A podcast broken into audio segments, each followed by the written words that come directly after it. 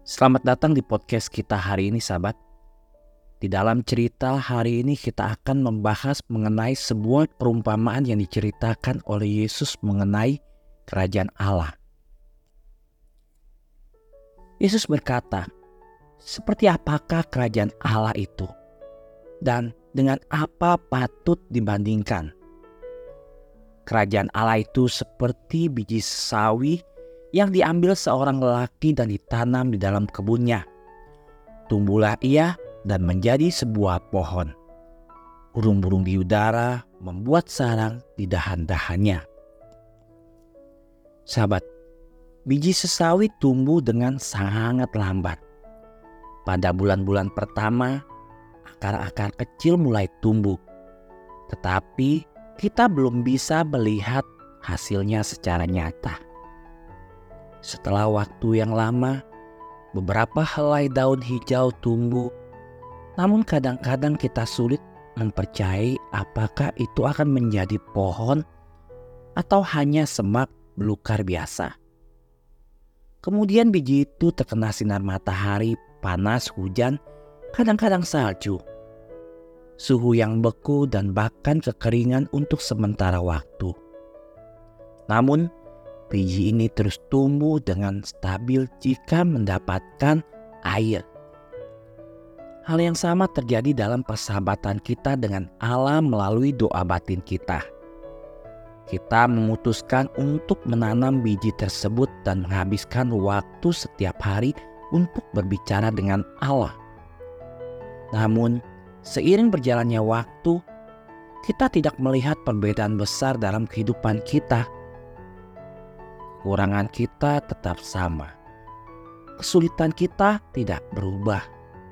Kecenderungan buruk kita masih ada. Kemudian datanglah hujan, panas, dingin, kekeringan, dan kita menjadi lelah. Kita melihat kesulitan, tetapi tidak ada perbaikan yang terlihat. Beberapa orang akhirnya menyerah, berhenti menyirami dengan doa, dan akhirnya persahabatan kita dengan Allah mengering. Hal yang sama juga terjadi pada tugas apa pun yang melibatkan komitmen dan usaha. Berapa banyak orang yang memulai belajar piano dan sekarang hanya bisa memainkan lagu yang sama dengan kecepatan yang aneh. Berapa banyak orang yang ingin belajar bermain gitar dan akhirnya hanya bisa bermain alunan yang monoton dan itu pun mereka tahu dengan sangat terbatas. Orang-orang berhenti karena kurang komitmen. Bagi mereka, piano itu bagus atau baik, atau bahkan menarik, tapi itu tidak pernah menjadi membuat mereka bergairah. Sahabatku, persahabatan kita dengan Allah harus menjadi gairah kita Persahabatan itu akan tumbuh jika kita harus menyiraminya dengan doa kita terlepas dari segala hal. Jika Allah mengirim hujan sinar matahari, kekeringan atau cuaca yang bagus, itu tidak akan mengubah komitmen kita.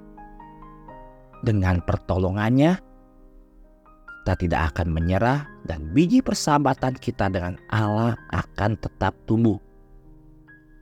Allah kita setia dan jika kita terus berdoa, ia akan membuat persahabatan kita berkembang.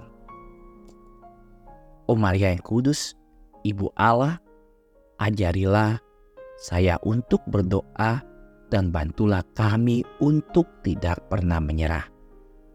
Bunda Maria, harapan kita dan tata kebijaksanaan, doakanlah kami.